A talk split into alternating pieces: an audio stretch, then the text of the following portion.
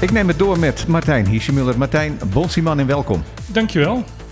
We pakken de draad min of meer op waar we het vorige week hebben laten liggen. Namelijk het milieudelict Chococo, zoals het uh, heet. Ja, de oppositie heeft in een persbericht haar afkeur uitgesproken over de voorkeursbehandeling van Chococo. En inmiddels heeft ook de Rijksvertegenwoordiger zich gemengd in deze zaak. Ja, de Democratische Partij heeft een uh, spoeddebat aangevraagd voor de Eilandsraad voor morgen, morgenavond. Dus uh, kijken wat daar gebeurt. Uh, dat gaat meestal als een soort nachtkaars uit, omdat uh, daar onmiddellijk door de coalitie de, de, de angel uitgehaald wordt. Dat, ja. dat schijnt hier heel makkelijk te kunnen. Ja, nu heeft de Rijksvertegenwoordiger, Jan Helmond, heeft zich in de discussie gemengd. En die zegt van ja, jongens, er wordt hier niet aan wetten gehouden en hier gebeuren rare dingen. En de ministeries uit Nederland kijken mee wat hier op dit moment gebeurt. Want we vragen ons af of dit wel allemaal klopt. Dus die vraagt om opheldering?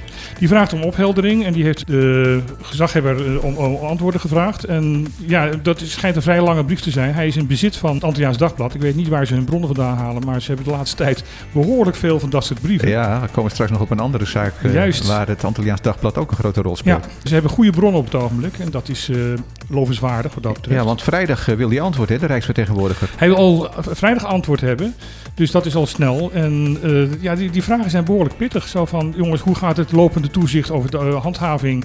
Hoe gaat dit milieudelict, want hij heeft er dus gelijk een delict van gemaakt. Ja afgehandeld worden. En uh, is er inderdaad waar dat uh, de, de, eigenaar van uh, Shogogo, dat hij dus een ambtenaar heeft bedreigd? Hoe zit dat allemaal? Ja, en ik denk dat het BC wel wat uit te leggen heeft. Er is van alles aan de hand. Heeft de betreffende vertegenwoordiger van het resort zelf al eens gereageerd op de commotie? Uh, zover ik weet niet. En dat is natuurlijk vanuit zijn kant ook waarschijnlijk het verstandigste. Ja, inderdaad, dat denk ik ook. Dan een uh, andere zaak waar het Antilliaans Dagblad een belangrijke rol aan het spelen is. Dat is de kwestie op Curaçao rond de afhandeling van het uh, zakelijke geschil rond Enia. Waar die zakenman Ansari een boete heeft opgelegd gekregen. Ja, dat is 1 miljard en dat is niet gering. Weliswaar guldens en geen euro's of dollars, maar nog steeds een hoop geld. Ja. Ik zou, ik zou het graag op mijn bankrekening willen zien. Assadi heeft dus al behoorlijk om zich heen geslagen. En nu blijkt dat de regering van Pisas bij voorbaat al, voordat de uitspraak was, contact heeft gezocht met de zakenman om eventueel de zaak op te kunnen lossen. Wat heel ongebruikelijk is. Terwijl de centrale bank, overheidsinstelling, die rechtszaak had, was begonnen. Ja.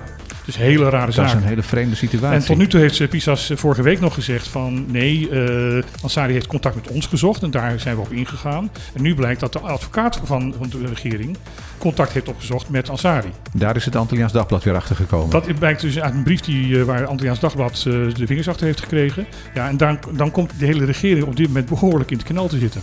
Nou ja, dat, dat zou zelfs nog wel eens helemaal verkeerd kunnen aflopen. Dat zou verkeerd kunnen aflopen, want het is niet het enige. De minister van Volksgezondheid die probeert uh, rechtszaken tegen te houden uh, voor partijgenoten. Ja, ja. Daar hebben we het ook over gehad. Curaçao-huis waar mensen worden aangenomen tegen de, de alle adviezen in met de handtekening van PISA's. Maar die, die dat eerst ontkent. Daarna blijkt dus allemaal papieren te zijn waar die handtekeningen op staan. Uh, het begint een hele rare zaak te worden daar. We houden het goed in de gaten.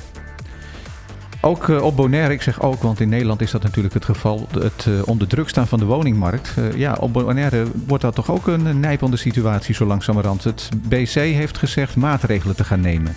Nou, die hebben een voorbereidingsbesluit genomen voor, um, omdat er een, een wijziging waarschijnlijk in het ruimtelijk ontwikkelingsplan gaat komen. Oh, dus dat ligt nog ver voor maatregelen? Dat ligt nog voor maatregelen. Ze zeggen nu van dat ze ergens uh, begin volgend jaar uh, dat ruimtelijk ontwikkelingsplan klaar willen hebben. Nou ja, goed, we hebben dat van deze PC wel eerder gehoord en ook van deze uh, gedeputeerde.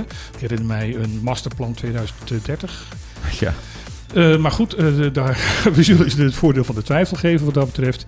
En uh, ja, heel mooi idealistisch. We willen ruimte creëren voor de, de plaatselijke bevolking. We willen alleen nog maar vier of vijf sterren recreatie, langdurige recreatie hier op, op het eiland hebben.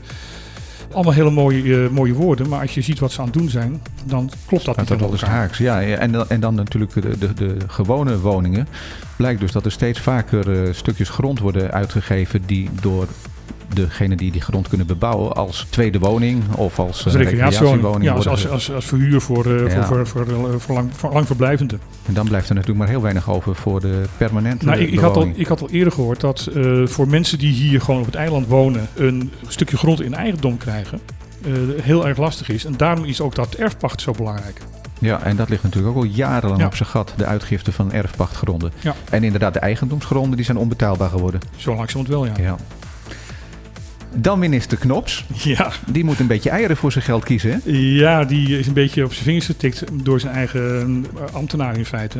Ja, wat is er aan de hand? Wat is aan de hand? Knops heeft is altijd tegen Bonaire gezegd van jullie eh, doen het niet goed eh, op financieel gebied en dat moet strenger en dat moet beter. Nu blijkt van dat eh, het eiland waar Nederland echt helemaal het voor het zeggen heeft, eh, Sint-Eustatius, het financieel ook niet voor op orde heeft. En het ook nu blijkt van dat het waarschijnlijk nog twee jaar gaat duren voordat ze het enigszins op orde zullen gaan krijgen. Ja. Nou ja, dan van een ander eiland eisen dat ze wel alle mogelijke eisen moeten voldoen, dat wordt een beetje raar. Dus eh, dat heeft hij nu naar beneden bijgesteld. Het moest eigenlijk zijn dat eh, alles wat de BC doet 2021 een goedkeurde accountantsverklaring zou moeten krijgen. Dat is dus nu verlengd naar 2024. Nou, dan hebben we nog tijd om de boel echt op orde te krijgen. Maar ik krijg er een beetje slappe lach van als je het niet heel erg vindt. We gaan nog even naar het weer. Misschien valt er ook nog iets over te lachen. Het gaat misschien een bui vallen vandaag, eh, maar dat, die kans is niet heel erg groot. De bewolking om- om het eiland heen is niet heel erg eh, heftig, maar er kan ze nu een wolkje overkomen. Er komt geen groot front aan, dus morgen is waarschijnlijk op kans op een bui ook niet zo heel erg groot. En de wind en de temperatuur zijn normaal. Dan ga ik het dripsysteem weer even aanzetten voor een paar dagen. Dat zou ik zeker doen. Dankjewel Martijn en tot morgen.